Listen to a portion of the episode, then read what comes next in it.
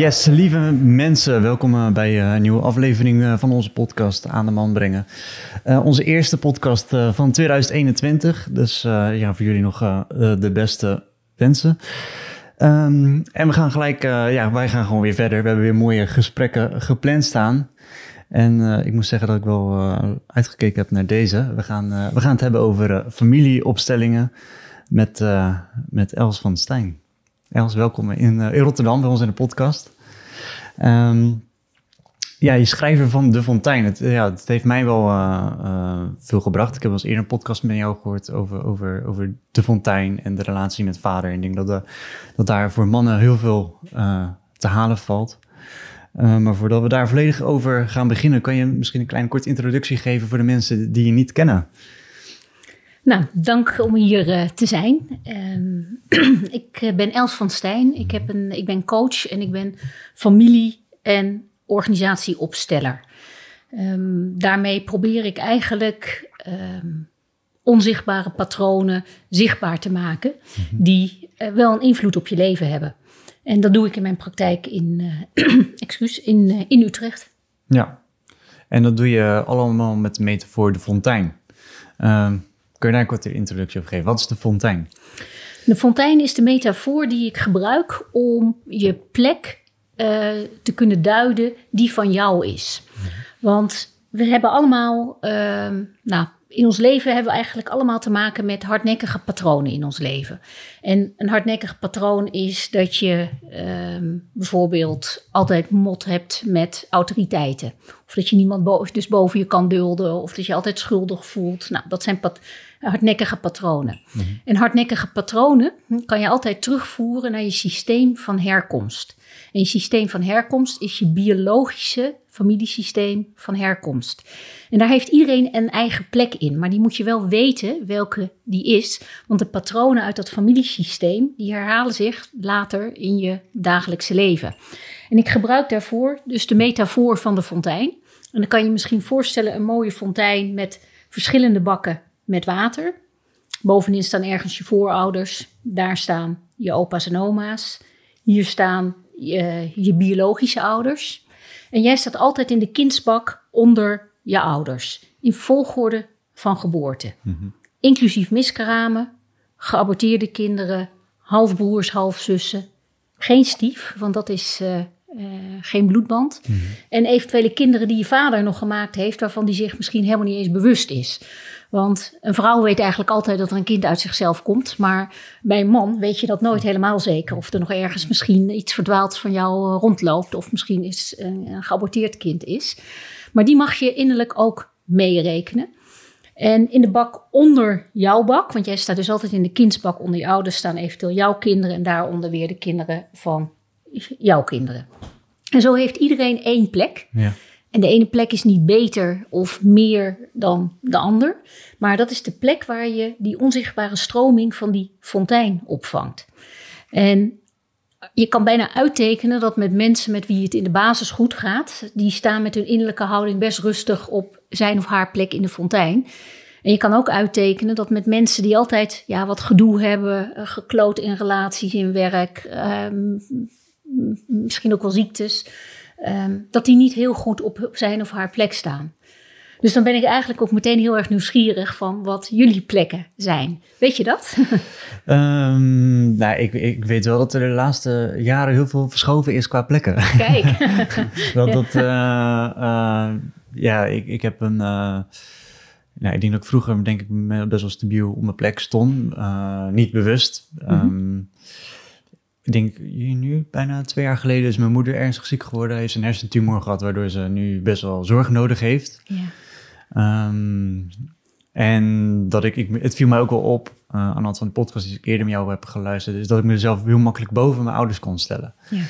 En daarbij ervaarde ik ook wel echt regelmatig dat ik, nou, ik weet nog echt een moment dat ik de podcast zat te luisteren met jou en dat je echt zegt van oké, je, moet, je moet je ouders de plek gunnen die zij echt eh, waar zij horen te staan. En die, die moet jij eigenlijk, je moet daar als kind binnenkomen en dat hun package deal eh, aannemen. En die gingen eigenlijk naartoe met de intentie van: oké, ik ga helemaal mijn ouders laten zijn. eh, ik kan niks meer aan veranderen. En ja, ik, op het moment dat ik, ik kwam binnen en mijn ouders zeiden iets, ik weet niet meer precies wat, of in ieder geval mijn vader zei iets, en het was gelijk, paf, nee, dit en dat. Het was gelijk, ja, het werd niet een discussie, maar ik merkte wel gelijk weer van, oké, ik ga mezelf boven jou zetten. En het was volgens mij heel iets onbenulligs van, ja, oh ik weet weer wat het was. Hij zei, eh, ik kwam binnen en ik zei, ja, ik heb last van mijn maag, want eh, ehm, ja, ik denk dat ik te veel melk de laatste tijd heb gedronken. Te veel lactose, en merk ik wel eens dat ik last. eh. hij iets reageerde met, nee joh, dat heeft daar helemaal niks mee te maken. Je weet, wat weet jij er nou van? En ik van, "Hè, wat is dit? Dus ging ik weer met een soort gesprek met hem aan van, dan ging ik hem weer mezelf weer erboven zetten. En, Mhm. Dus daarin merk ik dat ik nog wel af en toe verschuif in de... En vooral de intentie dat je denkt, oké, ik ga nu, eh, ik ga dus die, eh, mijn eigen plek innemen. En dat je dus binnenkomt en dat er een situatie voordoet en dat er op een, een knop wordt gedrukt. Waardoor, waardoor je automatisch weer reageert vanuit dat patroon wat je eigenlijk niet wilt. Ja. Eh, dat, is, dat is denk ik bij families eh, de, grootste, de grootste trigger, ja. Ja, ja, en dan vooral natuurlijk omdat mijn moeder ziek is geworden en daardoor minder valide. eh, kreeg je toch ineens een zorgrol. Ja. Ehm, dus en, en, nou, ik heb bijvoorbeeld hotelschool gedaan, dus ik vind het heerlijk om te koken. Eh, vroeger was mijn moeder altijd degene die kookte. Mhm. Eh, nu doet mijn vader het, maar ja, als ik daar ga eten, vind ik het fijn om voor hun te koken, want Ja. dat gun ik hun. En, Maar dat mag ook hoor. Dat is ook Zeker. systemisch gezien helemaal geen enkel eh, probleem. ja, Maar het is wel de kunst om dat te doen vanuit jouw kindsbak. En want als je erboven komt te staan, dus als je boven de bak van jouw ouders komt te staan, of omdat je voor ze wil zorgen, of omdat je eh, een oordeel over ze hebt, dan vang je dus ook die fontein niet meer op. En dan gaat het jou slecht. Want dat soort patronen gaan zich dus in je dagelijks leven herhalen. Maar je mag altijd vanuit eh, ja, de, de kunde en liefde die je in je hebt, mag je voor je ouders ja, koken, dingen regelen, et cetera. Maar het is wel eh, noodzakelijk dat je met je innerlijke houding dan in jouw kindsbak blijft staan. ja, ja, dat heb ik ook wel eens een keer naar ze uitgesproken. Van, ik mis het heel erg om bij hun af en toe erg kind te zijn, want ik merk dat ik nu eigenlijk zorg voor mijn moeder. Ehm, ja, dus ik heb wel eens een keer naar ze uitgesproken van ja, dat mis ik wel. Dat ik thuis kom en dat ik, eh, dat ik niet per se het gevoel krijg dat ik voor ze moet zorgen. Ja. Ja.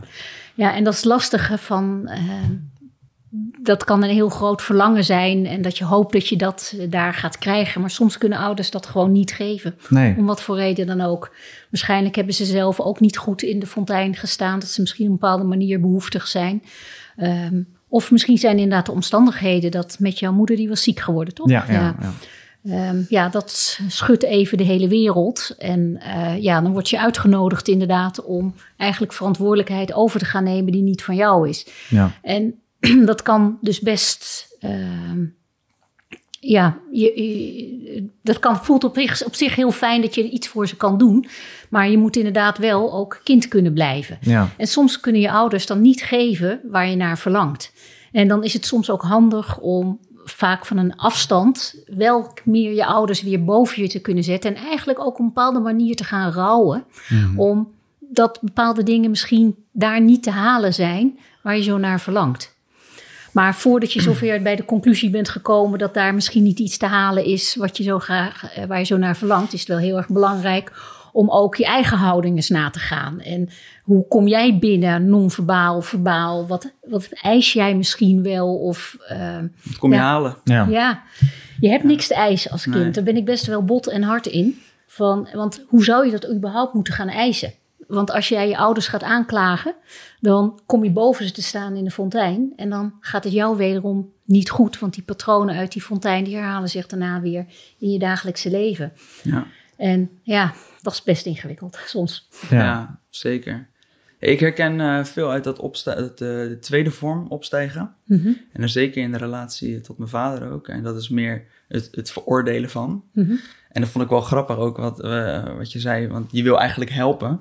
mhm. Maar als je dus, wat ik dus heb gemerkt, doe je dat eigenlijk voor jezelf. Ja. Dus je denkt dat je dat voor je ouders doet, maar je wil zelf, ben je behoeftig soort van. En ik heb een tijd lang ook, eh, dat ik eigenlijk een beetje een oordeel had op, op mijn vader. Omdat ik heel veel, altijd uh, missiegedreven werk en ik heb altijd plannen. En hij heeft dat minder. En dan dacht ik, ja, maar je moet, je moet, ben ook een man. Ik wilde graag dat hij dat ook allemaal plannen had. En ging ik hem, wilde ik dan eigenlijk helpen om ook ergens achteraan te gaan. Of een beetje soort van weer vuur in te krijgen. Terwijl als ik nu terugkijk, denk ik, ja, dat deed ik eigenlijk voor mezelf. Want het zou mij helpen Ja. als hij dat, als hij dat zou gaan doen. Ehm, ja, Dat hij dat erkent bij jou van hey, zodat dat is het, waarschijnlijk dat hij dat van mij dan zou kunnen zien. Of mij dan zou kunnen begrijpen, bijvoorbeeld. Ja. Ja. Ja. Nou, dat is wel heel eerlijk dat je dat, en ook heel mooi dat je dat toe kan geven aan jezelf. Dat heel vaak is helpen, een ander helpen, is omdat je iets niet uithoudt wat er feitelijk is. Dat je vader misschien bepaalde ja, andere waarden of andere drijfveren in het leven heeft dan jij. En dat kan je eigenlijk niet uithouden. Dus dan ga je hem helpen om iets te veranderen of een beeld of eh, ja, van zo zou je het ook kunnen doen. Maar dan hou jij eigenlijk niet uit hoe het feitelijk echt is. En ehm, ja, dan stijg je op in de fontein, zoals ik dat noem. En dat is eh, een oordeel hebben over je vader.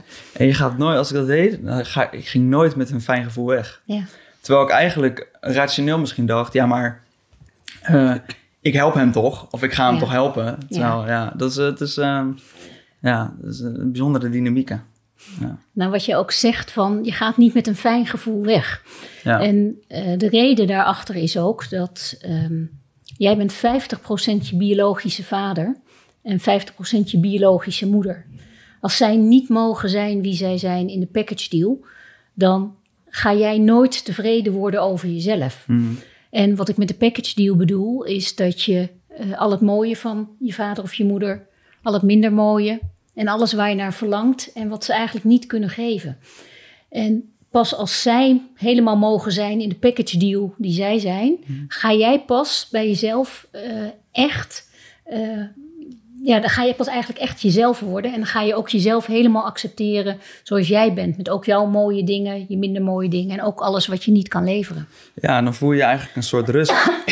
en dat is, eigenlijk, dat is ook bijzonder, omdat je, ik denk dat er, en eh, waaronder ik zelf eerst ook, je denkt op een bepaalde manier een karakter te hebben.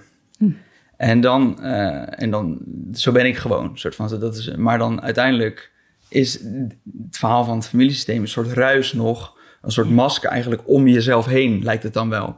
Dus als je inderdaad in die fontein gaat staan, of goed, dan kom je eigenlijk pas jezelf, dan weet je pas wie je zelf bent. Terwijl ik denk dat heel veel mensen dus bijvoorbeeld zeggen, ja, ik, ik vind het gewoon fijn om te zorgen.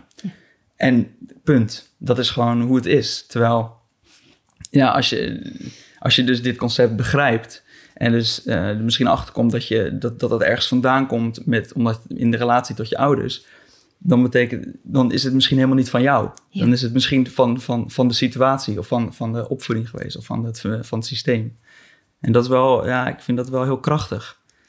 Ja, Nou, wat je zegt is ook heel terecht van ehm, je gaat pas echt zijn wie je bent als jij goed op jou met je innerlijke houding stevig op jouw plek staat die van jou is in de fontein. En en anders ga je bijvoorbeeld als je je vader afwijst, als je hem niet boven je kan zetten in de fontein, krijgt een mens bewijsdrang. Dan gaat iemand enorm ambitieus worden. Ehm, en welke succes je ook haalt, natuurlijk is dat even heel fijn en ben je even heel trots op je, maar daarna blijf je toch weer leeg en onvervuld. En dan ga je eindeloos je maar vooral maatschappelijk ook proberen te bewijzen en overal en nergens erkenning vragen, dan wel afdwingen. Alleen het beklijft niet. En om de een of andere reden, als jij je vader goed in de fontein kan zetten, dus boven je, dus je laat bij hem wat van hem is en je kijkt aan wat van jou is, ja. dan kom je op jouw plek en dan kom je bij je natuurlijke daadkracht. En dat is een hele andere manier van werken dan, en, en, en in het leven staan dan als je werkt vanuit een drijfveer van ehm, zie mij nou eens. ja. Ik heb in het verleden heb ik ook wel een issue met mijn vader eh, gehad. Want ik verweet hem eigenlijk van, jij ziet mij niet. Maar eigenlijk ehm, eh, verweet ik, deed ik hetzelfde dan wat ik mijn vader verweet. Want ik zag van mijn, va- van, mijn, van, de vader, van mijn vader met name dat wat er niet was. Dus ik zag hem niet. Ik zag in die package deal alleen maar dat minder mooie. Terwijl eh, ik wilde dat hij mij zag. Dus ik vertoonde eigenlijk exact hetzelfde gedrag. En toen ik ook steeds meer ging leren over familiesystemen, toen snapte ik ook van, oh ja, ja, ik snap nu ook meer iets van zijn achtergrond. Logisch dat hij bepaalde momenten er gewoon innerlijk niet voor me kan zijn. Ja. Maar kijk eens wat een, wat een veerkracht hij heeft. Wat hij in staat is om zijn waardigheid te behouden in moeilijke situaties. Ik denk van, nou, ik ben apen trots op je. En op dat moment ga ik die hele package deal zien. Zowel het mooie, dat minder mooie blijft er ook. Maar goed, daar moet ik mijn antwoord op vinden. En ook alles waar ik naar verlang en niet krijg.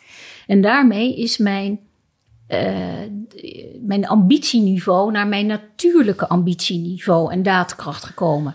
Ja. Waar ik een jaar of 10, 15 geleden nog eh, mijn twee boeken geschreven zou hebben van kijk mij eens, ik kan ook wat. Mm -hmm. um, is dat absoluut nu niet meer mijn drijfveer. Want ik heb nu van, ik heb een mooie metafoor waarvan ik denk dat, um, dat als steeds meer mensen die begrijpen dat we nog een mooiere en betere wereld uh, kunnen krijgen, nou, die wil ik in de wereld zetten. En daarin ben ik hartstikke ambitieus. Maar als mensen het niets vinden of er niks mee kunnen, nou ja, jammer. Dat zij zo. Dan maak ik me daar maar niet het is inderdaad om. intrinsiek. Juist. Echt intrinsiek. Ja, en, en niet vanuit uh, nog een soort externe behoeftigheid eigenlijk. Juist, ja. En dan pas, om terug te komen op wat jij net zei, van pas dan kan je dus echt voelen wie jij bent en echt je, je doelen in het leven bepalen. En ook van ben ik nou echt ben ik nou zorgzaam omdat ik dat altijd voor een moeder moest doen, bijvoorbeeld, of voor een vader? Of zit dat echt van nature, zit dat in me? Ja. Zijn er wel situaties waar je nog, uh, nog uh, die kant op schiet? Als er een bepaalde. Uh, ja, ik weet niet of jou natuurlijk nog leven, maar. Je bedoelt bij mij en mijn vader? Ja, dat er, Ja. dat er een situatie wordt dat je denkt: ah, dus ben ik er toch weer, zit ik, zit ik er toch weer in? ja hoor, absoluut. Ja. Mijn vader leeft nog wel. Mijn moeder is 14 jaar geleden overleden. En mijn vader woont in een verpleegtehuis. Ehm Tuurlijk, er zijn momenten dat hij nog precies weer op bepaalde knoppen drukt. Wat eh, jij toen straks ook zei, Jonathan. Van nou, je neemt bepaalde dingen voor en je schiet toch weer in het oude gedrag. Ja. Nou, dat heb ik ook af en toe. Dat, Ja. ehm, maar dat herken ik dan van, oh ja, jee, ik merk nu dat ik een oordeel over hem begin te krijgen. En dan zeg ik tegen mezelf, ja, ik kan wel gelijk hebben dat het raar is dat hij zoiets zegt, maar dat doet er niet toe, eh, want eh, ik stijg op en dan gaat het mij niet goed. Dus dan ga ik tegen mezelf zeggen, ja, afdalen, afdalen, afdalen, terug naar mijn plek in de fontein. En dan naar de hamvraag die ik eigenlijk altijd dan eh, stel, van wat is van mij Mhm. en wat is van de ander? Nou, dat bepaalde gedrag wat je ouders eh, vertonen of iets wat ze zeggen, nou, dat is van hen. Nou, daar kan je niks aan veranderen. Je kan zelfs feedback geven. En dat is geen kritische eh, stoomafblazen actie, maar dat is gewoon feedback. Wat je voelt, ervaart. En want dan gun je de ander ook nog de plek. En eventueel kan je grenzen stellen. En daarna ga je aankijken wat dan van jou is. Zowel op rationeel als emotioneel niveau. Maar troost je, ik heb ook af en toe dat ik opstijg. En dat is ook helemaal niet erg. Ehm, als je het maar vrij snel weer door hebt, dat je weer afdaalt naar jouw plek. Ja. Het is toch ook wie, wie was het nou Edgar Tolle die zei van je kan nog zo verlicht zijn als je wil, totdat je iemand bij zijn ouders neerzet. Ja. Dan, Oké, eh, oh, mooie uitspraak. Ja. Dan herken je gelijk iedereen van Ga, ah, eh, spendeer een Ja. week met je familie en eh, ja. Hmm. eh, dan zien we nog wel eens hoe verlicht je bent. Ja. Hoe is de plek dan nu vergeleken met je moeder? Hoe, hoe is dat? Ik kan haar beter, ehm, ik heb er gisteren lang over nagedacht, ik kan haar beter boven me eh, stellen. Behalve als ze een, eh, een klein beetje in een soort eh, slachtofferschap zit. Ehm, dan, eh, dan, dan gooi ik er helemaal uit meteen. Dan, eh, dan dat, dat druk, dat, dat kan ik echt niet hebben. Eh, maar eigenlijk in, als ik kijk naar gemiddeldes, kan ik haar wel meer boven, eh, kan ik meer boven mij stellen dan mijn vader. Ja. Mhm. Ja. Maar waar komt die dan die trigger vandaan van de slachtofferrol die ze dan aanneemt? Oeh. Omdat ik denk dat ik het gewoon heel moeilijk vind om mijn moeder niet krachtig te, te zien. Mhm. Dat vind ik, eh, ja, ik denk dat, dat, dat ik dat gewoon echt niet trek. Ja. Ja. Ik weet niet, denk je dat? ja. Komt dat ergens vandaan? Ongetwijfeld. Ja. maar je ziet hier verschil tussen de binnen- en de buitenkant. Ja. Ehm, als je de mensen die ooit een familieopstelling mee hebben gemaakt. En een familieopstelling is eigenlijk een visualisatie van jouw familiesysteem. Met verschillende mensen die als representant voor jouw familiesysteem eh, dienen. En op het moment dat die zich ja, op een bepaalde manier eh, door de ruimte bewegen. en komen ze op een bepaalde plek te staan. dan krijgen we eigenlijk te zien wat er in de diepte van dat systeem speelt. En dat kan soms heel, heel anders zijn dan wat je er met je hoofd van gemaakt hebt. Ja. Ik krijg heel vaak bijvoorbeeld een, uh, een cliënt die zegt van... Uh, nou, ik heb absoluut een issue met mijn moeder, wordt er dan gezegd.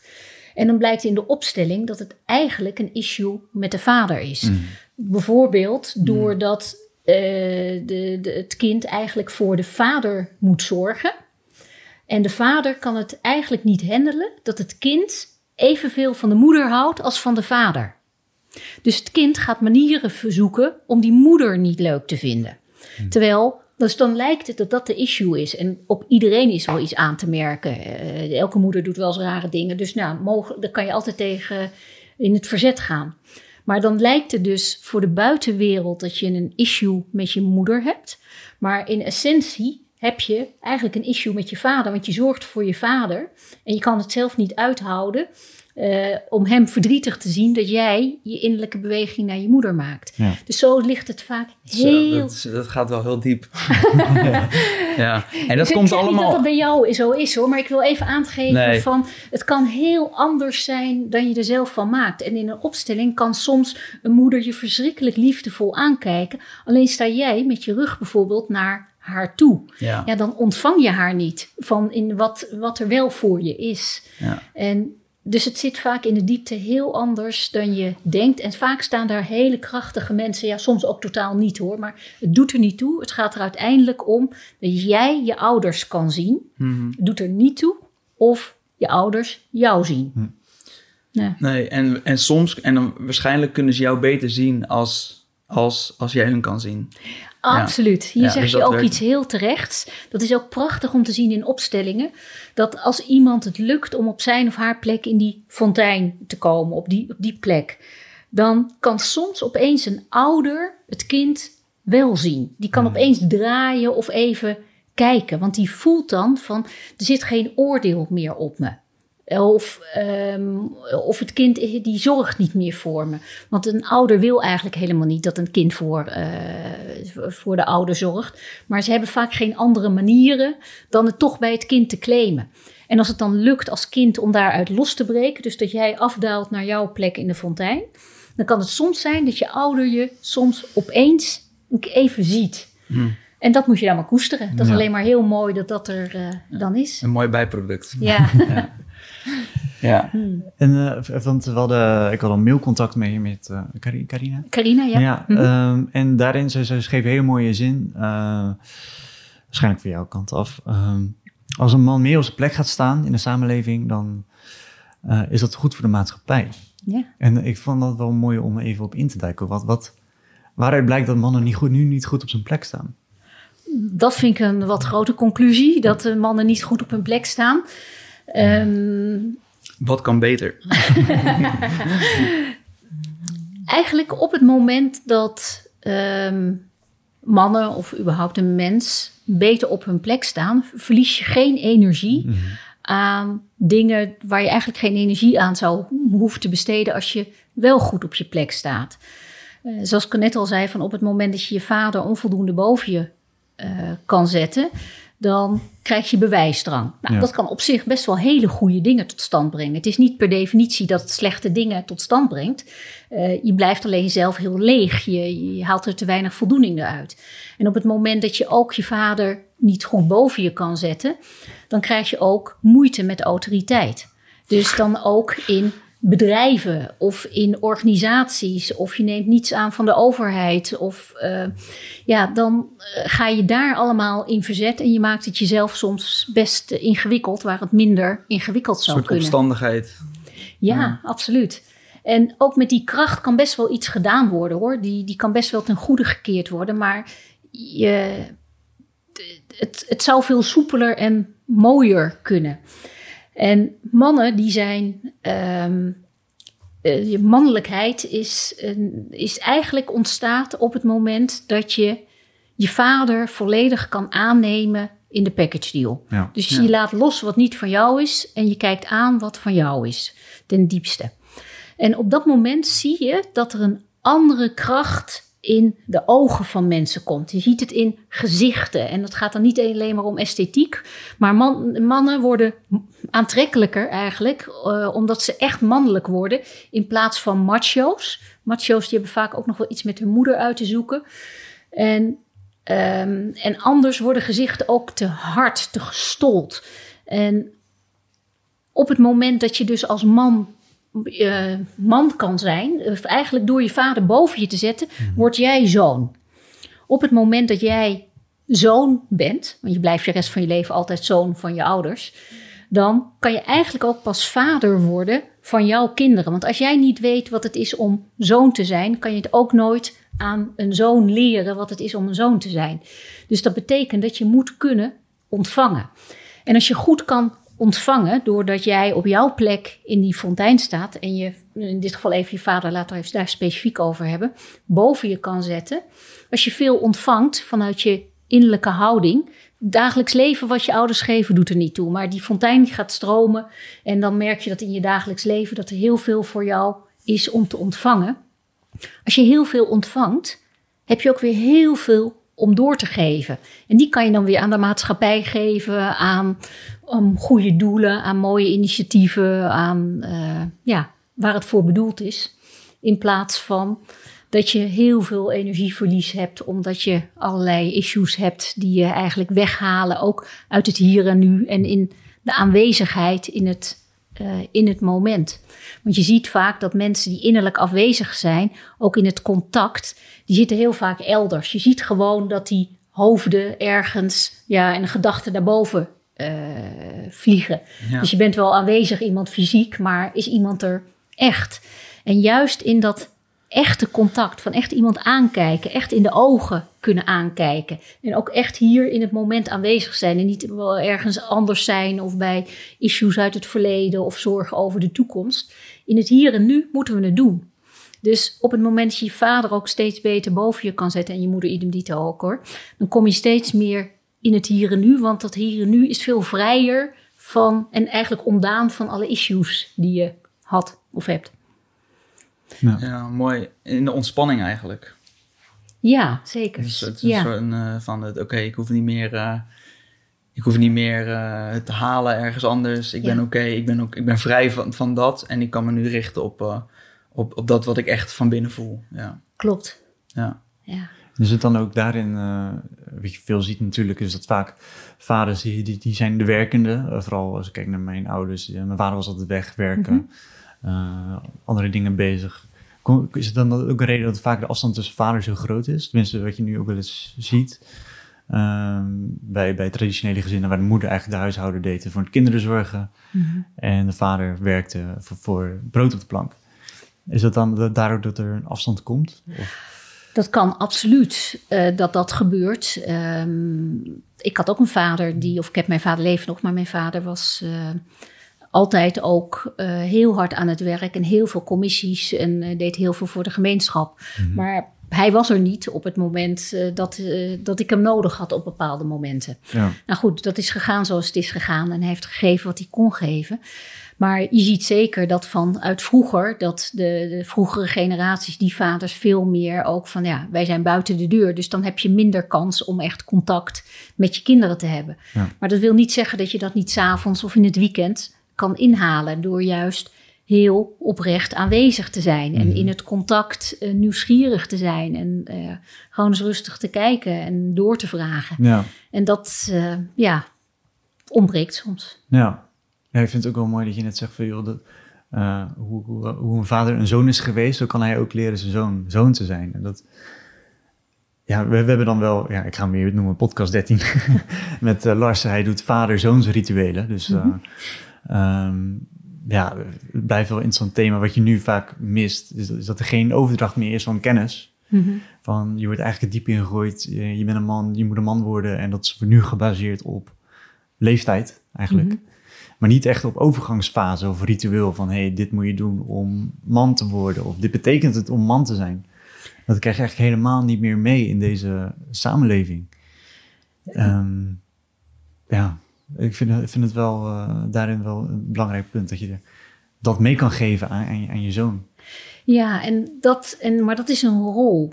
Ehm, eh, een vader, maar dat kan ook een pleegvader of een stiefvader of wat dan ook, die kan hele goede rollen eh, vervullen voor een kind. Dus die kan leren van ja, hoe moet je je scheren, hoe ga je om met, uh, met vrouwen, et cetera. Dat kan je ook leren van andere mannen. Ja.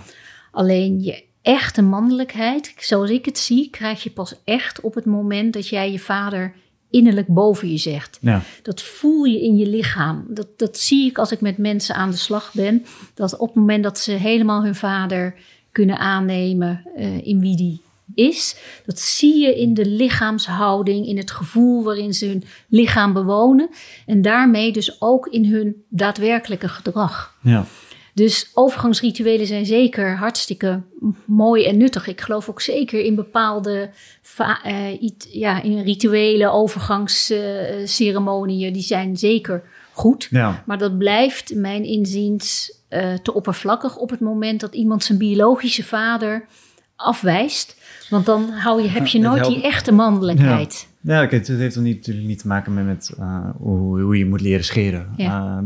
zijn essentie is natuurlijk ook heel erg uh, het kennis overdragen. Dus zo is het uh, van, uh, dit zijn mij als vader, als je, als je met een groep vaders jullie kwetsbaarheid delen met zoons erbij, van hey, ja, ja. dit vind ik lastig, hier was struggelde ik mee als kind. Ik denk als je dat soort dingen kan delen in, voor een groep, ja. dat je dan ook als kind eerder geneigd bent om je vader zie je van, wauw, jij hebt ook problemen gehad. Of jij je struggelde daarmee als kind zijnde. Ja.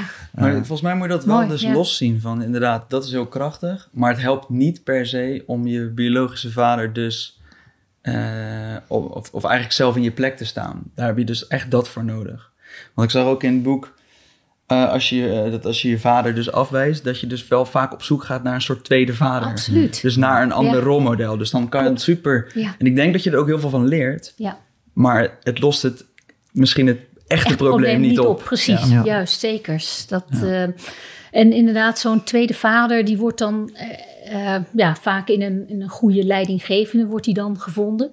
Maar op het moment dat die leidinggevende dan toch zakelijke beslissingen moet nemen, die iets minder. eh, die jij iets minder leuk vindt, dan is de reactie van die medewerker is eigenlijk te groot ten opzichte van die manager. Want eigenlijk zie, zie je dan een dubbel beeld achter die manager, staat dan eigenlijk ook nog je vader. Dus dan ben Ja. je eigenlijk weer teleurgesteld in je vader, wat je al in je eigen vader dan bent, maar dat wordt geprojecteerd op die manager. Ja. Of je ziet dat ze te weinig houvast hebben gekregen. Want ik ben het helemaal met je eens van het zou heel mooi zijn dat een, een generatie mannen, maar ik denk dat jullie dat zeker ook een heel goed voorbeeld daarin zijn. Jullie durven ook ehm, veel meer jullie zelf te laten zien in wie jullie zijn. En ik, het woord kwetsbaarheid is langzamerhand een beetje uit zijn verband getrokken. Van, ik, van mij betreft hoeft niet iedereen altijd even kwetsbaar en openbaar te zijn. Dat, eh, maar je moet wel bij je innerlijke gevoelens kunnen komen. Ja. Dat je verdrietig bent, dat je eenzaam bent, dat je, het, eh, dat je verdrietig bent, dat je vriendin eh, je voor een ander gekozen heeft dan voor jou of iets dergelijks. Bij dat soort gevoelens kunnen komen, dat zou zo mooi zijn als dat veel meer ook van vader op zoon zou worden doorgegeven. En dat zit- zat natuurlijk niet in de Nederlandse traditie eh, Nee. in het verleden.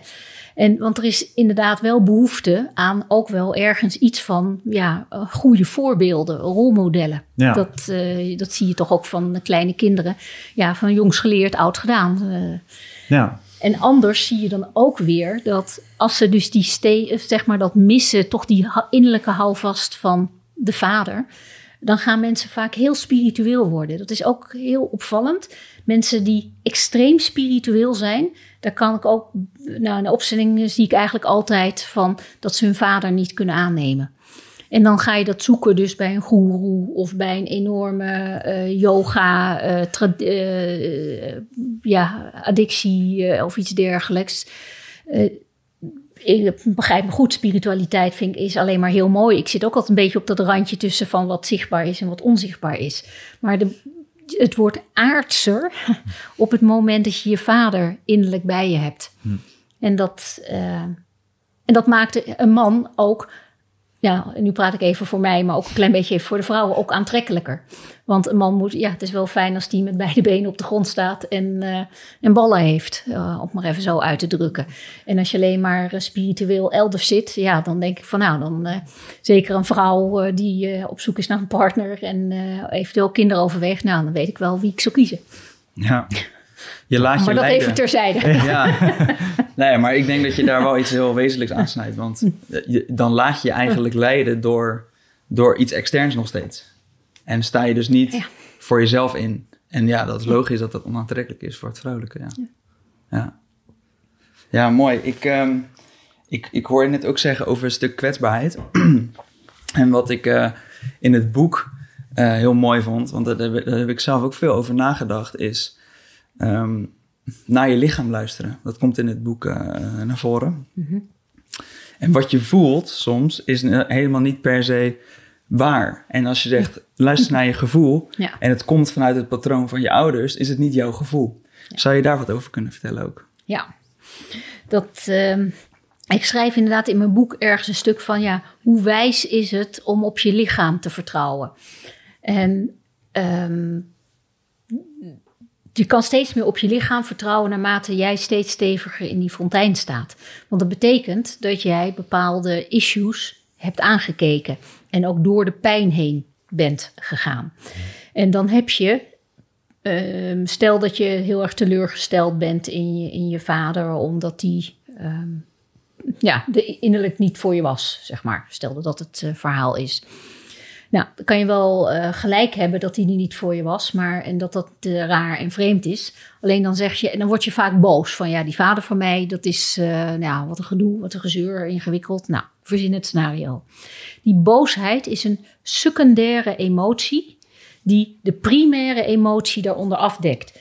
Dus het is dan makkelijker om boos te zijn op je vader dan te voelen hoezeer je hem hebt gemist, hoe je hem nodig hebt gehad en hoe eenzaam je wellicht bent eh, of bent geweest. Op het moment dat je dat kan voelen, dat is een primaire emotie, dan ga je zelf schoonmaken van binnen. En, dit, en die emoties zijn altijd kort, maar wel heftig. Meestal 10 seconden tot 2 minuten. Maar dan ben je, is er een stukje van de, van de verwerking heeft plaatsgevonden. De scherpe kantjes zijn eraf. Terwijl een secundaire emotie die de primaire afdekt, die, eh, die duurt heel erg lang. En die maakt niet schoon van binnen. Dus op dat moment kan je je lichaam dus eigenlijk bewoon je niet, want die primaire emoties zitten diep van binnen ergens in je lichaam. En ehm, daarom zeg ik altijd zo dat het zo verschrikkelijk belangrijk is om je lichaam echt goed te bewonen, want dan kan je omgaan met primaire emoties.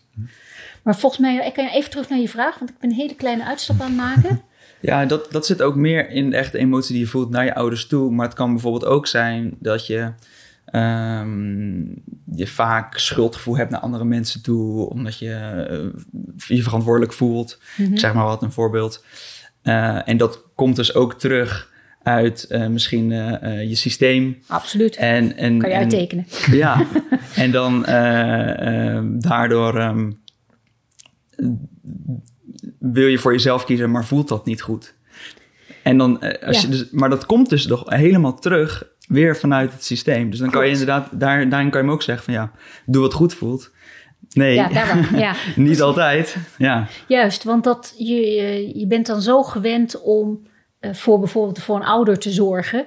En dan als je dan voor jezelf gaat kiezen, ga je verschrikkelijk schuldig voelen. Ja. Dus dat lukt en dat vind je heel moeilijk om dat vaak uit te houden als je je lichaam niet goed kan bewonen. En ook niet goed bij die, in, die, die primaire emoties kan komen.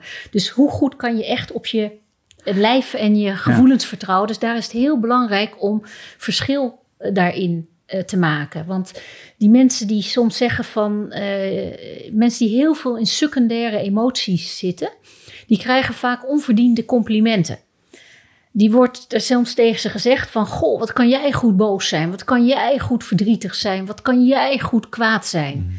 Maar eigenlijk kunnen ze niet goed bij hun gevoelens komen, want ze dekken die primaire emoties af met de secundaire emoties. Dus hoe betrouwbaar is dan nog je lichaam en de signalen die het afgeeft? ja, Ja. het gaat om de interpretatie Ja. Van, van wat je voelt. Dus, en, Ja. eh, en ik vind ook dat de laatste tijd heel snel wordt gezegd... ehm, wat zeg je gevoel? Of luister je naar je gevoel? Ja. Terwijl als dat dan aan de hand is, ja, dan is het niet verstandig om dat eh, te doen inderdaad. Ja. Dat deel ik inderdaad. ja. En dan is de volgende vraag eigenlijk, hey, waar komt die boosheid eigenlijk vandaan? Of waar Ja. komt die verdriet, Wat zit daaronder? Ja, Precies. Maar daar, daar durven we wel echt vaak niet heen te gaan. Dat is wel vaak weer heel, heel eh, pijnlijk, want misschien zit daar wel een antwoord die je niet wil horen. Dus dan vind je als persoon die dat er- ervaart, eh, ja, dat is lastig. ja, die primaire emotie is misschien nog wel heftiger natuurlijk. Ja, Dus die, eh, Ja, maar het goede nieuws aan primaire emoties is dat die kort en heftig zijn. En in je tegenwoordige leeftijd of, eh, kan je dat wel aan. En vroeger als klein kind kon je die primaire emoties vaak niet aan. Dus daar gaan vaak nog overlevingsmechanismes ertussen zitten, waardoor je dat niet wil voelen. En dan denk je dus van ja, dit kan, ik, eh, dit kan ik niet aan, dat te voelen. Terwijl ondertussen ben je groot zelfstandig geworden en eh, ja, ben je, heel, ben je zoveel meer sterker en meer geworden. ja. Dat je dat eigenlijk nu in de hedendaagse tijd best wel aan zou kunnen. Maar er zit dan nog een oude gedachte van, ah, dat, nee, dat moet ik niet aankijken, want dan, eh, ja, dan is het een bodemloze put. Ja. Maar dat valt meestal reuze mee. Maar dat komt toen ook zo erg naar voren in die eh, documentaire The Work natuurlijk. Eh ken je die toevallig? Nee, die heb ik volgens hij zegt eh, vaag en bellen. Voor, in een Folsom Prison, een gevangenis in Amerika. Waarbij ze Oh, nee, eh, ja. ehm, ja, met, met gevangenen eigenlijk ja, niet echt opstellingen gaan doen, maar wel gewoon... eh, Een soort wel ook. Ja, maar vooral naar de primaire emoties toe gaan. Nou, echt Want al die Ja. gevangenen die hebben Ja. natuurlijk zijn allemaal crimineel geworden. Niet omdat ze zo boos waren. Ja, ze waren boos, maar er zat natuurlijk wat onder. Ja, Ja, zeker. ja. En daarin merkte je gewoon dat er eerst zoveel woede uitkwam voordat ze uiteindelijk echt die verdriet, verdriet- verdriet konden omschrijven en ervaren. Ja. Eh, en vaak was het inderdaad relaties met vaders of, of Afwezig. Afwezige vaders. eh, Ja. Dat daar heel vaak de pijn ligt. En dat is wel echt wel... eh, ja, nu, nu ik het zo hoor, moest ik gelijk daar aan denken. Ja, van, joh, ja, dat, Dat snap eh, ik. Ja. En ik ben zelf wel een klein beetje huiverig voor alle mensen of therapieën die. Maar dat zegt, dus, eh, zoals ik het zie, hè. Er zijn meer wegen om naar Rome te komen. Eh, maar als ze zegt van ja, gooi het er maar uit, schreeuw het er maar uit, stomp maar daar tegenaan. Ja, dat is voor mijn gevoel veel meer om. Eh, dan blijf je eigenlijk toch te veel in die secundaire emoties hangen. Ik denk dat er effectievere manieren zijn om sneller naar die primaire te gaan. En dat is juist eigenlijk eerder om naar die stilte te gaan. Ja. En in plaats van schreeuw het er maar uit of stop maar. Of, wat- Tuurlijk, dat kan een manier zijn die soms nodig is voor bepaalde mensen. Maar het gaat sneller als je directer naar die primaire emoties toe kan. Hoe zou je dat dan doen? Zo direct naar primaire emotie? Eigenlijk is het, nou, als je dit nu al gewoon rationeel met je hoofd weet, dat primaire emoties in de basis goed voor je zijn. Ze zijn wel heftig, maar ze maken je schoon van binnen. En dat de eerste heftige randjes van die emoties al na twee minuten eraf gaan. Dan kan je eigenlijk je lijf, als het ware. Want ze zitten ongeveer eh, zeg maar, tussen je gehemelte en je liezen. Daar zitten die primaire emoties over het algemeen. Eigenlijk die plekken gaan opzoeken in je lichaam. En daar aandacht aan gaan geven. En vaak is daar extra ademhaling naartoe sturen. Eh, dat maakt al eigenlijk dat je ja zegt tegen die primaire emotie.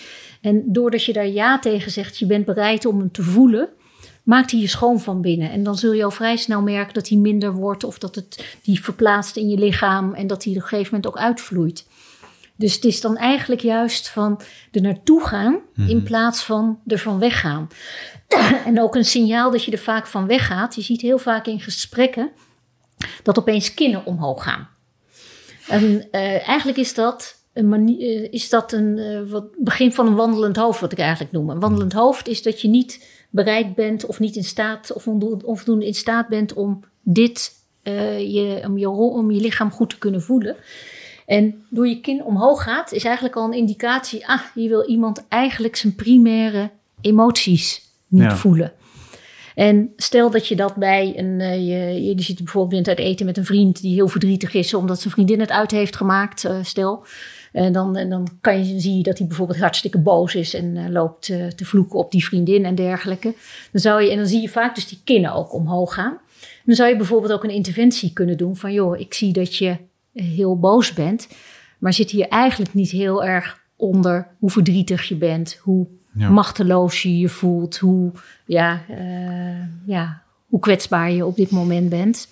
En dan oogcontact blijven houden en stilvallen.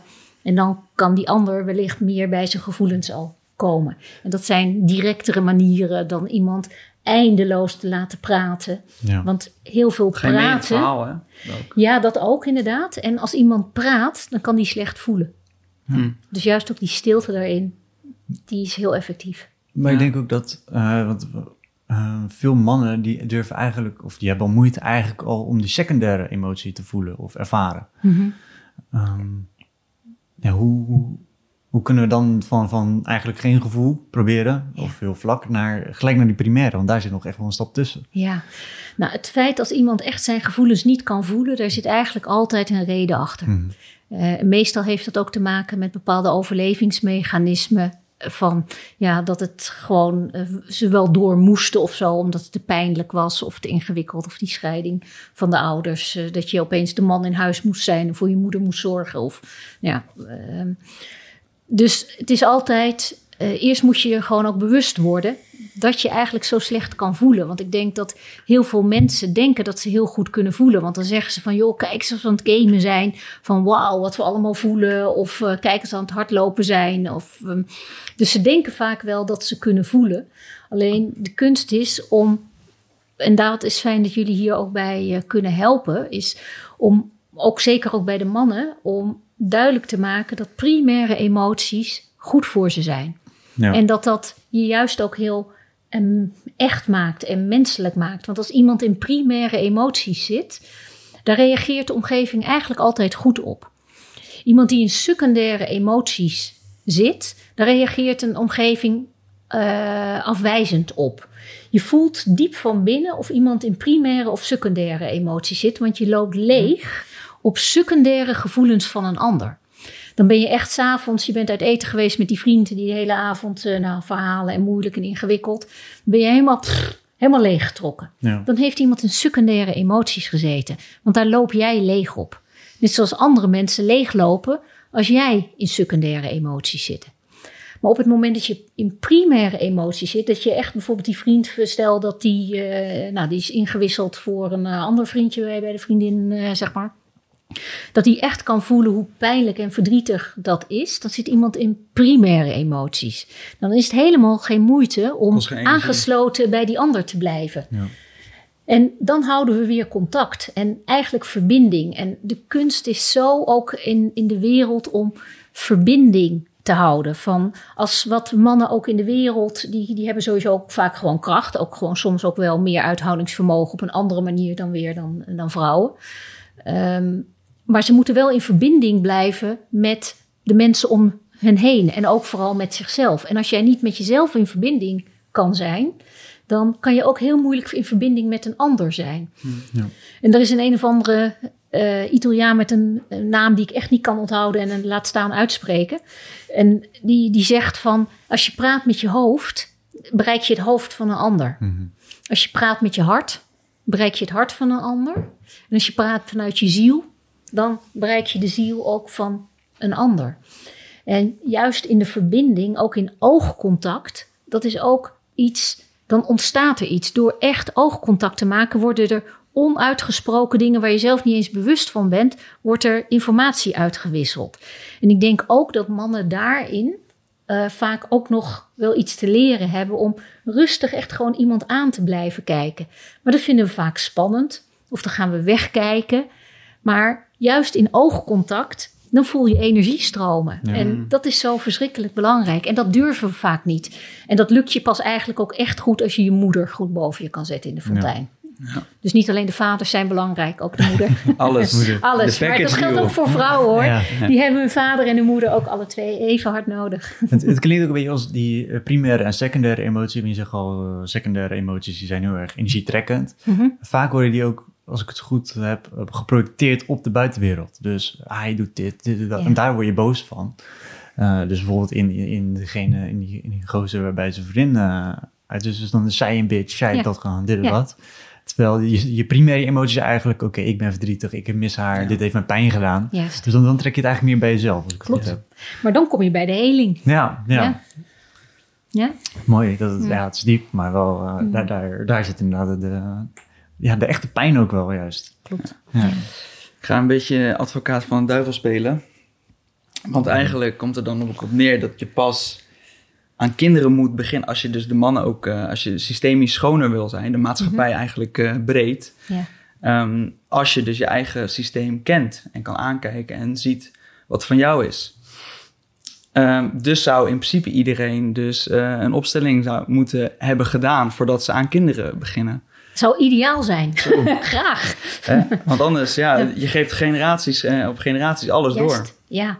Ja, het is wel, het is wel echt ja, wel raak dat je dat zegt. Want soms denk ik, mensen die kinderen krijgen van, joh, is dat nou wel zo'n goed idee? Dat je eigenlijk een soort, daar niet een vergunning, maar hey, oké, je wil kinderen. Dat je dan bij de huisarts komt die dan zegt, oké, doe me eerst maar een familieopstelling.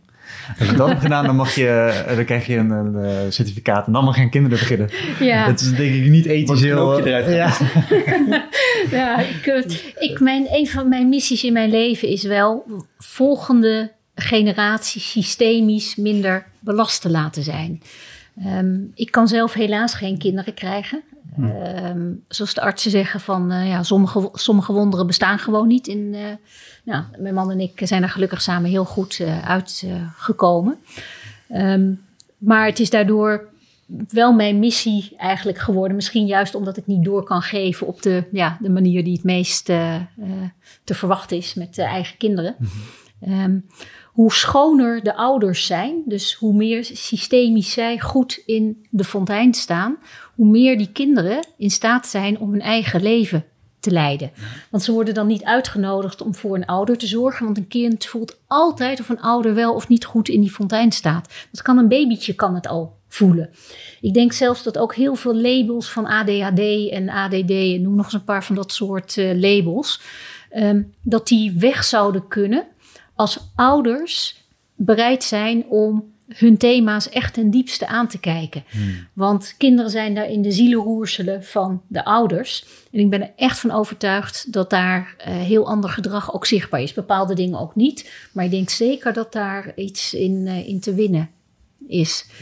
Dus als je zegt advocaat van de duivel, eh, ja, ik weet niet of het advocaat van de duivel is. Het is mijn, eigenlijk mijn missie waar ik op dit Ja. moment ja, op mijn manier mijn steentje aan bij wil dragen. Van hoe beter jullie in de fontein staan. En, ook zeker de mannen, ehm, dat die ook ja, bekend zijn met hoe, eh, hoe er ook nog een heel stuk dynamiek ehm, buiten het zichtbare is, maar wat wel enorm veel invloed heeft op je gedrag en wie je in essentie bent.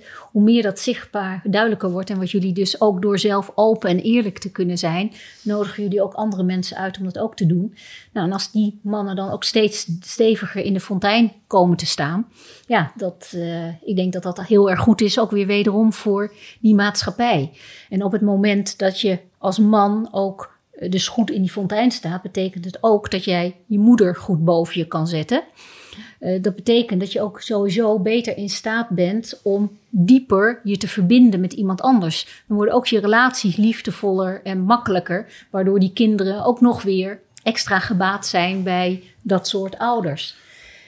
En ja, sommige familiesystemen die zijn zwaar en ingewikkeld. En ehm, ja, dat vraagt ook heel erg veel van mensen. En soms is, is het gewoon ook onmacht om bepaalde dingen eh, ja, aan te kijken. Het lukt gewoon soms niet. Dat is dan je lot. te hè? groot. Ja, Ja. En in het boek Ja. komt dat naar voren. Ja.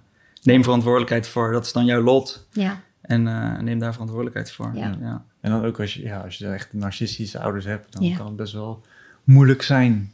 eh, Absoluut. Om, eh, zekers. om hun die plek te geven Ja. en, en dat te accepteren. Ja. Ja.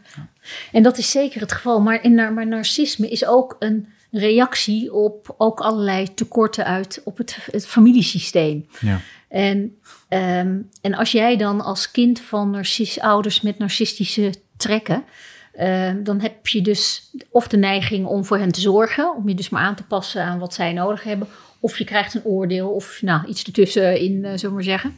Ja. Ehm, ja, dat is zwaar. Alleen eh, jij bent er zelf bij gebaat om wel je ouders de plek te laten. En je laat bij de ander wat van hen is. En je mag altijd grenzen stellen. Maar met je innerlijke houding, ehm, ja, moet je ze wel aannemen. Want je bent toch 50% je ene ouder en 50% de andere ouder. Ja. Ja. Ja, je sprak net al eventjes over relaties.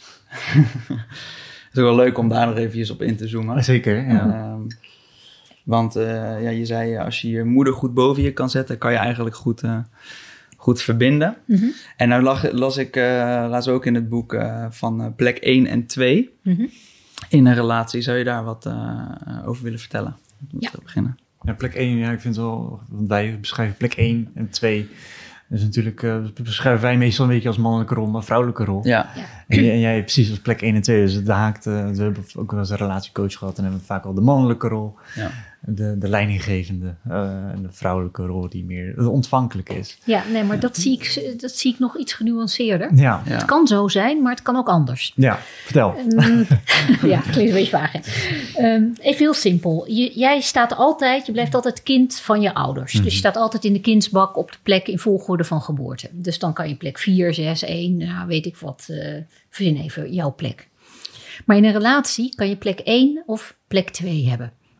En plek 1, die, um, die doet eigenlijk de verdediging van het systeem naar buiten toe. En ik ga hem even heel plat, slaan en even heel zwart-wit maken om zo dadelijk weer te gaan uh, nuanceren. Mm-hmm. Uh, voor zover we weten gingen de mannen vroeger die gingen op jacht en uh, die komen dan op een gegeven moment terug met uh, van nou er is hier niks meer te eten. We moeten misschien een stukje verderop gaan, want anders gaan we verhongeren. Of uh, hier aan de overkant staat een hele grote stam die ons gebied wil hebben en we gaan het verliezen. Nou, dan is uh, uh, verkassen een hele slim antwoord. Maar daarmee, doordat je het systeem naar buiten verdedigt, maak je eigenlijk automatisch randvoorwaarden voor plek 2. Daarmee geef je een klein beetje aan van ja, we moeten nu echt wel verplaatsen. En plek 2, die doet de bescherming van het systeem naar binnen. Even heel simpel gezegd, de kinderen, de, de, de mensen verzorgen die op jacht zijn geweest en de bessen plukken even. Als we het even heel erg naar de prehistorie terugpakken. Beide plekken hebben elkaar nodig. Want een plek 2 zou niet overleven als er geen plek 1 was. Maar een plek 1 die heeft ook rust nodig. Of, uh, en ook ergens even om te kunnen ontspannen op een bepaalde manier. Dus je zou denken dat dit een, een man-vrouw verhaal is. Maar dat blijkt helemaal niet het geval te zijn. Um, mijn moeder heeft een plek 1 toen ze nog leefde. En mijn vader plek 2. Terwijl mijn vader veel meer werkte en meer verdiende. Als er in essentie op aankwam, was het toch mijn moeder die uiteindelijk de, het systeem naar buiten verdedigde en, uh, en de voorwaarden bepaalde. En dat wil niet zeggen dat mijn vader niks, uh, geen inbreng had. Maar als mijn moeder het niks vond, nou dan was het kansloos als papa een andere baan wilde, dat, dat we dan ergens anders heen verhuisd zouden uh, zijn. Dus bij mijn moeder is het, staat mijn moeder is plek 1 en mijn vader plek 2. Ja. Ik ben een plek 2. Ik heb mijn man, die is een plek 1. En ik sta, je moet eigenlijk denken aan een rechtsdraaiend systeem, dus met de klok mee.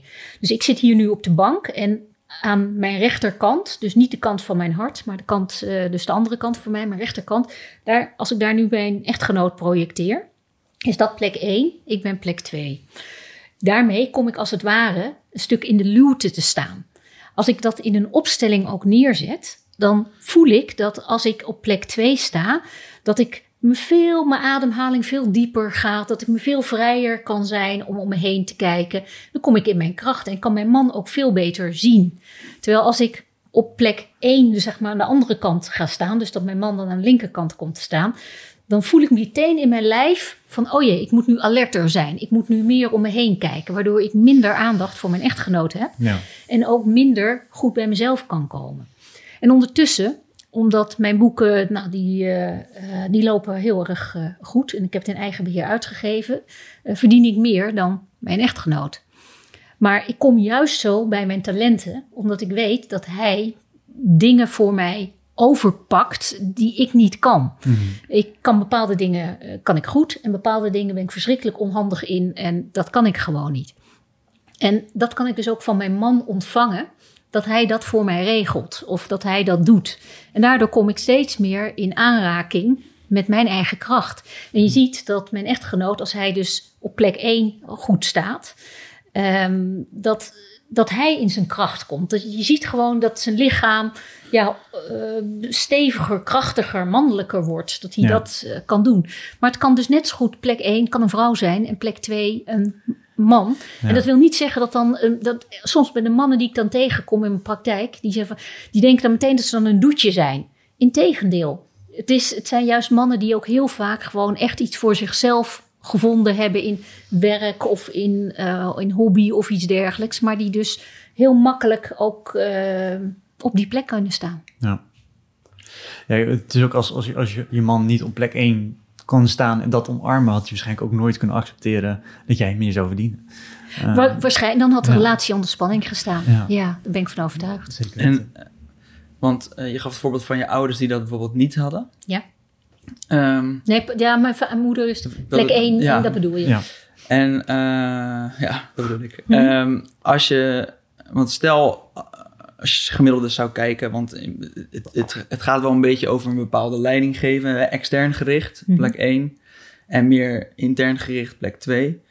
Uh, klopt hè? Ja, relatiegericht. Of relatiegericht, ja, maar je zorgt voor, ja, voor dat familie vind ik ook weer. Het is, het is heel moeilijk om het echt hier goed woorden aan te geven. Dit zou je eigenlijk, iedereen zou dit moeten voelen. Hmm. Ja, Je zou eigenlijk eens een keer met je partner eh, links en rechts van elkaar moeten gaan staan en te voelen wat dat met je lichaam doet. Maar dat Ja. doet geen afbreuk aan je Ja. kwaliteit en wat je verder in de wereld wil zetten. nee, oké. Nee, ik, mijn vraag was van stel, je- als je systemisch schoon bent, of je, Ja. dat er dan op gemiddeld dus misschien meer mannen wel op plek 1 staan en vrouwen op plek 2. Natuurlijk gezien, ook biologisch gezien. Dus dat was eigenlijk de vraag. Eh, en dat je misschien ook ziet dat als mannen eh, misschien eh, eh, nog niet bepaalde zaken hebben opgelost, dat misschien juist dat hij misschien meer in plek 2 staat. Bijvoorbeeld of je daar dingen in ziet. Ja, ik durfde niet, ik, ik kan het niet helemaal eenduidig of eh, zeggen. Maar ik zie wel dat over het algemeen er dan iets meer mannen op plek 1 dan plek 2 staan. Maar het is ook absoluut dat mannen op plek 2 staan. Ja. En je ziet inderdaad dat iedereen die zijn eigen issues niet goed aankijkt, die heeft minder ruimte, ook dus voor een partner. Of, een- of een partner moet dan juist extra veel voor jou doen. Ja. Waardoor eh, misschien ook eh, de natuurlijke stroming uit die relatie eh, gaat. Ja. En ja, en als je, als je dan een man bent die liever op plek 2 zit, Mhm. moet je ook echt wel een vrouw kunnen vinden die die plek 1 wil omarmen. Ja, klopt. Eh, en dat is vaak nog wel, wel ja, lastig als ik bijvoorbeeld kijk. Ik heb het vaak ook over gehad met mijn vriendin. Mhm. Eh, niet dan over plek 1 en plek 2, maar wel over oké, wie, wie is de leidinggevende, wie zorgt voor de, voor, voor de relatie, meer dyna- dynamiek. Ehm, zij had vroeger relaties waarbij ze heel erg plek 1 had, maar daarin eigenlijk helemaal niet vrij, vrij. Want ze is Ja. best wel ja, de leidinggevend en als, als nou, bijvoorbeeld een onderdeel te geven als bijvoorbeeld naar een restaurant gaan. Eh, was zij altijd degene die als eerste naar binnen liep, zegt van joh, we hebben een reservering bij andere relaties. En nu doe ik het en dan vindt ze al heel erg dus het is natuurlijk een heel basaal voorbeeld, maar dan, dan, dan kan zij veel meer ontspannen in, Ja. in, haar, Ja. in haar eigen ontvankelijke energie zitten. Waarbij ik dan zeg, oké, we gaan nu dit doen, we gaan dat doen. Eh, Ja, maar pas op dat het niet alleen maar met sturend en leidinggevende en, en leiding geven is. Het is eh, het, een relatie Ja, natuurlijk, moet zo. inderdaad is blijft een, een, een, een constante eh, uitwisseling van geven en Mhm. ontvangen. Dus ehm, je staat ten dienste van elkaar. Ja, En, ehm, dus het, het is niet zo dus dat plek 1 alles bepaalt. Maar die maakt Nee, nee, nee, van niet. nature daarmee iets meer de randvoorwaarden Ja. dan een plek 2. en natuurlijk als ik bijvoorbeeld zeg, Ja. hey, ik heb zin om dit vanavond te eten. En zij zegt tegen mij, eh nou, ik heb liever hierin zin in. Ga ik niet zeggen, nee, ik maak de keuze hier. Ja, choose your battles, hè? ik denk, ik toch plek 1. Ja, ik neem de leiding. Nee, zij zit weer in, dan wel van, ik, dan, dan is het natuurlijk Ja. gesprek. Maar ik ben, niet, ik ben wel iemand die dan nu Ja. snel, sneller zegt van, ik kom altijd wel met een plan. Mhm. En dan, natuurlijk is er altijd overleg en wat wil zij. Eh, maar ja, ik zorg wel altijd wel dat ik, dat ik iets wist. Want als ik, als ik dat niet weet, dan krijg je een soort allebei plek 2 Ja. situatie waar je zegt, hé, wat doe jij? Ja, weet ik niet. Wat doe jij? Ja, weet ik eigenlijk ook niet. Dan, dan, dan gebeurt er ook niks. Ja, klopt. Dus, ehm, maar goed, kan jij er iets over vertellen? Stel je neemt allebei plek 1 of allebei plek 2? Ja, dat, dat maakt het leven soms best ingewikkeld in relaties. Dat wil niet zeggen dat het geen goede relatie eh, zou kunnen zijn. Want ook hoe jij je met je moeder verbonden hebt, bepaalt hoe je je met een ander kan verbinden. En ook wat deel je in waarden en interesses. Dus er zitten ook heel veel andere facetten ook aan relaties. Maar je ziet vaak wel dat twee mensen op, met z'n tweeën op plek 1 of met z'n tweeën op plek 2, dat die relaties vaak toch het niet gaan redden op lange termijn. Tenzij je daar echt heel goed bewust van bent. Ik had pas geleden in mijn praktijk had ik iemand die beide. Uh, of, uh, ja, zij staat ook op plek 1 en hij is ook op plek 1 in relaties. En uh, dus eigenlijk moeten zij beter leren onderhandelen met elkaar. Van goh, nu neem ik even de plek 1 en nu gaat de ander even meer naar 2 en daarna weer andersom. Dus dat het wat meer afgewisseld gaat worden, zodat die balans daarin hetzelfde blijft. Dus dan is dat best te doen. Ja. Maar het vraagt wel meer van een relatie. Relaties die, uh, die van nature zeg maar in de 1-2 uh, verdeeld zijn, die lopen wel soepeler over het algemeen. Ja. En heb je dan ook wel eens voorbeelden dat, dat bijvoorbeeld een vrouw in, op plek 2 staat, of op plek 1 staat, maar eigenlijk het liefst op plek 2 wil staan, maar dat niet kan of doet? En wat is deze persoon dan van nature? Een plek 2, maar die is op plek 1 terechtgekomen, bedoel je? Ja, ja, ja. Ja, dat, uh, dat houdt iemand echt heus wel een tijd vol hoor. En zeker ook in de tijd van, ja, dat we ook als vrouwen ook zeggen van, nou, we zorgen, kunnen ook toch al voor onszelf zorgen. Dat hoeft uh, niemand uh, te doen, mm. dat kan ik zelf. Ik kan ook voor mezelf zorgen, geen enkel probleem. Maar het geeft me zoveel meer kracht om dat wel, om mijn partner naast me te hebben op plek 1.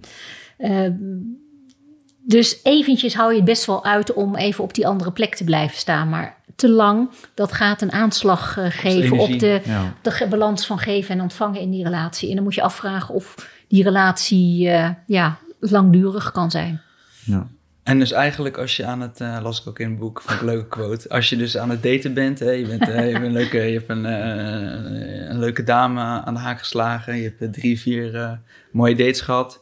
En je twijfelt van ja, is dit wel, is dit wel wat, moet ik iets serieus uh, ik een volgende stap verder, moet je eigenlijk eerst vragen wat de relatie met de moeder is. Ja, dat, is, nou, dat hangt van jouw doel af. Hè? Als je alleen maar zin hebt in een paar nachten uh, ja, nee, je seks en gezelligheid, maar je, wil gewoon ja. relatie. Ja. ja. dan moet je ten eerste bij jezelf nagaan, hoe ben jij met je moeder verbonden? Ja. En vervolgens ook aan haar vragen van, joh, vertel eens iets met over je moeder. En dan kan er best wel een heel verdrietig of een ingewikkeld verhaal uitkomen. Maar je kan wel horen of iemand de moeder boven zich zet in de mhm. package deal. Nou, als mhm. dat kan, dan, uh, dan is het relatiemateriaal. Ja. Dat is een hele concrete dus, tip. Dus als iemand, als ik het goed begrijp, een vrouw niet, een goeie, geen goede relatie met de vader is, het minder goed. Ja. Nee, dat maakt niet uit. Vaders die hebben nee. geen invloed zozeer op die relatie. Meer de moeder. Alt, ja, en dat geldt zowel voor mannen, vrouwen, homoseksueel of wat dan ook. Dat, uh, hoe jij je kan verbinden met anderen, mm-hmm. gaat via je moeder. Zoals jij verbonden bent met je moeder, bepaalt je maximale vermogen om je met een ander te kunnen verbinden. Wow. ik word er stil van. Ik heb ook dat heel mijn zeg maar, mijn verleden gaat nu een beetje, oké, okay, hoe was die relatie met de moeder? Hoe was die relatie ja. met de moeder? Ja, ja maar dat is sowieso dat is... bij het lezen van dit boek, dat je denkt, oh, je bent de hele tijd bezig met, dit herken ik bij mezelf, oh, dit herken ik bij die, oh, dit herken ik bij die. dat is, ja. Ja. Dat wordt het wel, ja. Ja, en nog even een, een laatste puntje waar ik nog wel, uh, tenminste, dat herken ik heel erg bij mezelf. Vooral in organisaties. Ik was... Um, voorheen, denk ik, nou, tot, tot een jaar, twee jaar geleden, was ik wel echt iemand die elke keer een nieuwe baan zocht uh, na een jaar. Omdat ik eigenlijk niet kon handelen met de autoriteit die daar was. En ik had altijd wel een conflict met autoriteit. Uh, om verschillende redenen. En nu kom ik ook echt wel achter van, shit, ik, ik kende mijn eigen plek ook gewoon niet. Ja, ja. ja precies. Maar jij geeft ook organisatieopstelling. Hoe gaat ja. dat, uh, hoe gaat en, dat te werk? Wat is daar belangrijk? Ja, ook in organisaties heb je ook fonteinen. Hmm. Alleen een familiefontein is altijd helemaal duidelijk. En een organisatiefontein is altijd anders dan je vaak denkt. En dat is niet het organigram over het algemeen. Dus bijvoorbeeld bij een organisatie staan de oprichters altijd in de bovenste bak. Dus elk bedrijf dat zijn oprichters eert of erkent, daar gaat het over het algemeen beter met zo'n bedrijf. En ik wil vaak, um, als ik organisatieopstellingen doe, doe ik ze eigenlijk altijd met de directie. Want de directie die mag weten wat er in de bakken eronder speelt. Mm -hmm. Je krijgt soms ook wel middelmanagement uh, lagen die bij mij een organisatieopstelling willen. Maar je mag eigenlijk alleen maar zien en weten wat er speelt in de lagen onder je. Het gaat eh, zo'n middelmanagement niet aan wat er in ten diepste in de, in de directie speelt. En het vloeit ook door. Juist, ja. ja en want op het moment dat, uh, dat een zeg maar middelmanagementbak eh, dingen weet over de directie, worden ze uitgenodigd om op de plek van de directie te gaan staan, om voor ze te zorgen. Of ze krijgen een oordeel over hem van, nou, wat zijn dat een stelletje idioten, wij kunnen dat veel beter. En in een opstelling, van een organisatieopstelling, kan ik dan wel eventjes de directie opstellen om te zien hoe ze op elkaar, die middelmanagementlaag en die directie op elkaar reageren. Maar ik ga niet diep in op wat er verder met die, uh, met die directie aan de hand is. Want dat gaat ze niks aan. En dat kunnen ze ook niet oplossen. Je kan alleen maar oplossen wat van hen is. Hmm. Dus met een organisatieopstelling wordt eigenlijk heel vaak duidelijk wat er speelt. En het lastige is dat iedereen zijn eigen familiesysteem meeneemt. En dat moet je als organisatieopsteller uit elkaar kunnen halen. Want ook in een organisatie zitten systemische dynamieken, die te vergelijken zijn wel met de familiedynamieken. Maar ook jij als jij je vader niet boven je kan zetten, ja, dan krijg je per definitie, kan je bijna uittekenen, uh, mot met de lage boven je. Of dan zeg je van, wat een stelletje idioten, wat een onkunde, wat een, uh, ik kan dit veel beter. Ja. En dan ga je als een uh, olifant in een porseleinen kast, ga je daarboven dingen doen. En je kan wel gelijk hebben. Mhm. En soms maken ze er ook een potje van. Alleen, jij kan niet, dan moet je solliciteren naar die plek in de organisatie. Ja. Want alleen dan kan je iets voor elkaar krijgen. Want dat lukt niet op jouw plek. Want die bevoegdheid heb je, of die, ook die systemische recht heb je niet om daarin... En je stijgt op zonder dat je uh, die plek hebt. Juist, ja. Ja. Dus, uh, ja. Dus dan moet je alles op kracht doen en je gaat tegengewerkt worden. En dan kan je wel gelijk hebben. Dus je moet het dan weer bij je baas neerleggen, bij leidinggevende. Als, die moet het dan weer bij de volgende laag neerleggen. En anders, als het niet werkt, ja, verander van baan. Ja. Maar ga ook even je eigen thema's aan. Ja, ik weet. Ik, ik heb een keer gehad, uh, daar werkte ik en ik kwam daar binnen. Uh, het was een koffiebedrijf. Uh, en ik kwam daar binnen en ik had al heel veel koffieervaring. Ik heb heel lang in koffiebarren gewerkt. Dus ik kwam er binnen en eigenlijk kende ik al heel veel mensen die er werken. en ja, het ging op een gegeven moment een tijdje dat ik op zoveel kennis en best wel door kon werken dat dat de buitendienst waarmee ik samenwerkte, die gingen mij boven de plek zetten van, Ja. van mijn leidinggevende. Dus ze kwamen eigenlijk alleen maar naar mij toe met problemen. Ja. Eh, ja, maar jij kan het beter oplossen, of jij bent vaak slimmer, of jij, jij weet hier vaak handige dingen in. Eh, en die ging dat ook helemaal omarmen. Dus ik, ja, ik word beter. Dus, Ja, eh, maar zie dus jouw patroon van je familiesysteem op een bepaalde manier voor je moeder zorgen. ja. Dat patroon herhaalt zich dus dan weer ook in het bedrijf. Dus jij ging zien, dingen op je schouders nemen die niet voor jou zijn. En dat voelt natuurlijk wel heel lekker, want je bent daardoor ook belangrijk. Maar je verzwakt wel ook dus die andere persoon van die, eigen, die eigenlijk dat zou op moeten lossen. ja. Dus je zou eigenlijk tegen hem moeten zeggen van, goh, je- dat moet je niet met mij bespreken, maar je moet naar die persoon. ja. Of in staat zijn om met je innerlijke houding van oké, ik, ik kan bepaalde aanwijzingen geven, maar dan laat ik het ook weer los. Dat je dan weer terug naar Ja. op jouw plek komt. Ja, ja nee, dat was ik toen nog. Ik was, het was denk ik acht jaar geleden of zo. Toen was ik nog helemaal niet in, in, in Nee. staat. Ja, Maar wel, eh, Hmm. ja, nu kijk ik er wel naar terug en denk van, ah, daar, daar zaten de dingen. eh, Ja, een stuk ego komt daar ook natuurlijk, zit daar ook in. Ja, het voelt goed. zeker. Ja. Je denkt, oh, ik ben, eh, ik ben het ventje, ik ben een jonge, jong pikkie en ik, eh, ik regel dit allemaal. Ja. Terwijl eigenlijk eh, ken je plek niet. Ja. Ja. Terwijl dat zegt ook wat over de organisatie hoor. Ik bedoel, Ja. als iedereen, eh, maar de- inderdaad, als ik daar meer mijn plek had ge- gekend en gewoon gezegd van, hé, hey, super tof dat je hier naar mij toe komt, maar of ik ga dit of je moet het zelf met eh, mijn leidinggevende bespreken en dan kan ik wel dingen voor je doen. Ja. Want het zijn wel haar kaders. Ja. En dan, dan, Ja. dan blijf je wel op jouw plek. Ja. Dan moet je je voorstellen dat jij eh, dus die, die jouw leidinggevende was en dan zit er daar zo een, eh, een eh, jonge enthousiaste hond die alles van je overpakt en, eh, Ja. en jou passeert. Zou je ook niet fijn vinden. Nee, zeker niet. Nee, Nee. nee, nee. Ja, ik vind het interessant. Waar kunnen, eh, of nee, de laatste vraag natuurlijk. De laatste vraag, wat wij eigenlijk Oh, aan, alle, aan alle gasten nog stellen. Wat, wat zou jij de, de, de hedendaagse man nog mee willen geven als laatste tip? Allemaal familieopstelling doen natuurlijk, maar Mhm. daarnaast, wat zou een tip zijn? Aan de man brengen. Eh, ja. Ehm, ja, dat is een goede. Ik, eh, Veel is natuurlijk toch al wel aan bod gekomen. Mhm. Maar ehm, gun de ander de plek. Want dan krijg je, eh, en want daarmee kom jij op, op jouw plek. En daarmee zal jouw gunfactor ook nog weer hoger worden. Waardoor Ja. je ook weer meer voor elkaar krijgt. En zowel het mannelijke in je aannemen, want dat krijg je dus via je vader, maar ook het vrouwelijke. Ik bedoel, zoals jullie hier zitten, hebben jullie ook ja, uh, zowel het mannelijke als het vrouwelijke, dat zit in één. Ook idem dito bij mij. Ik ben zowel het mannelijke van mijn vader zit in mij en het vrouwelijke van mijn moeder. Dus het is niet, neem niet alleen maar je mannelijkheid aan, maar ook het vrouwelijke, ja. wat ook in je zit.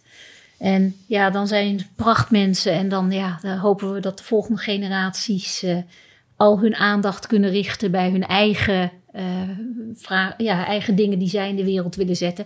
En dat ze zich niet zozeer bezig hoeven te houden met uh, ja, de zaken van anderen. Ja, mooi. Ja. mooi. Waar kunnen mensen je vinden of je boek bestellen? Boeken, er zijn er twee natuurlijk. Ja, dat kan via mijn uh, website. Daar heb ik een webshop op. dat is op www.elsvanstein.nl. En dat is met Van Stijn met E, lange I, N. Super. Super bedankt Els voor je ja. komst. Heel graag gedaan. Mooi gesprek. Zeker. Ja. En, en ja, jullie uh, luisteraars bedankt weer uh, voor het luisteren. En uh, ja, tot de volgende aflevering weer. Tot de volgende.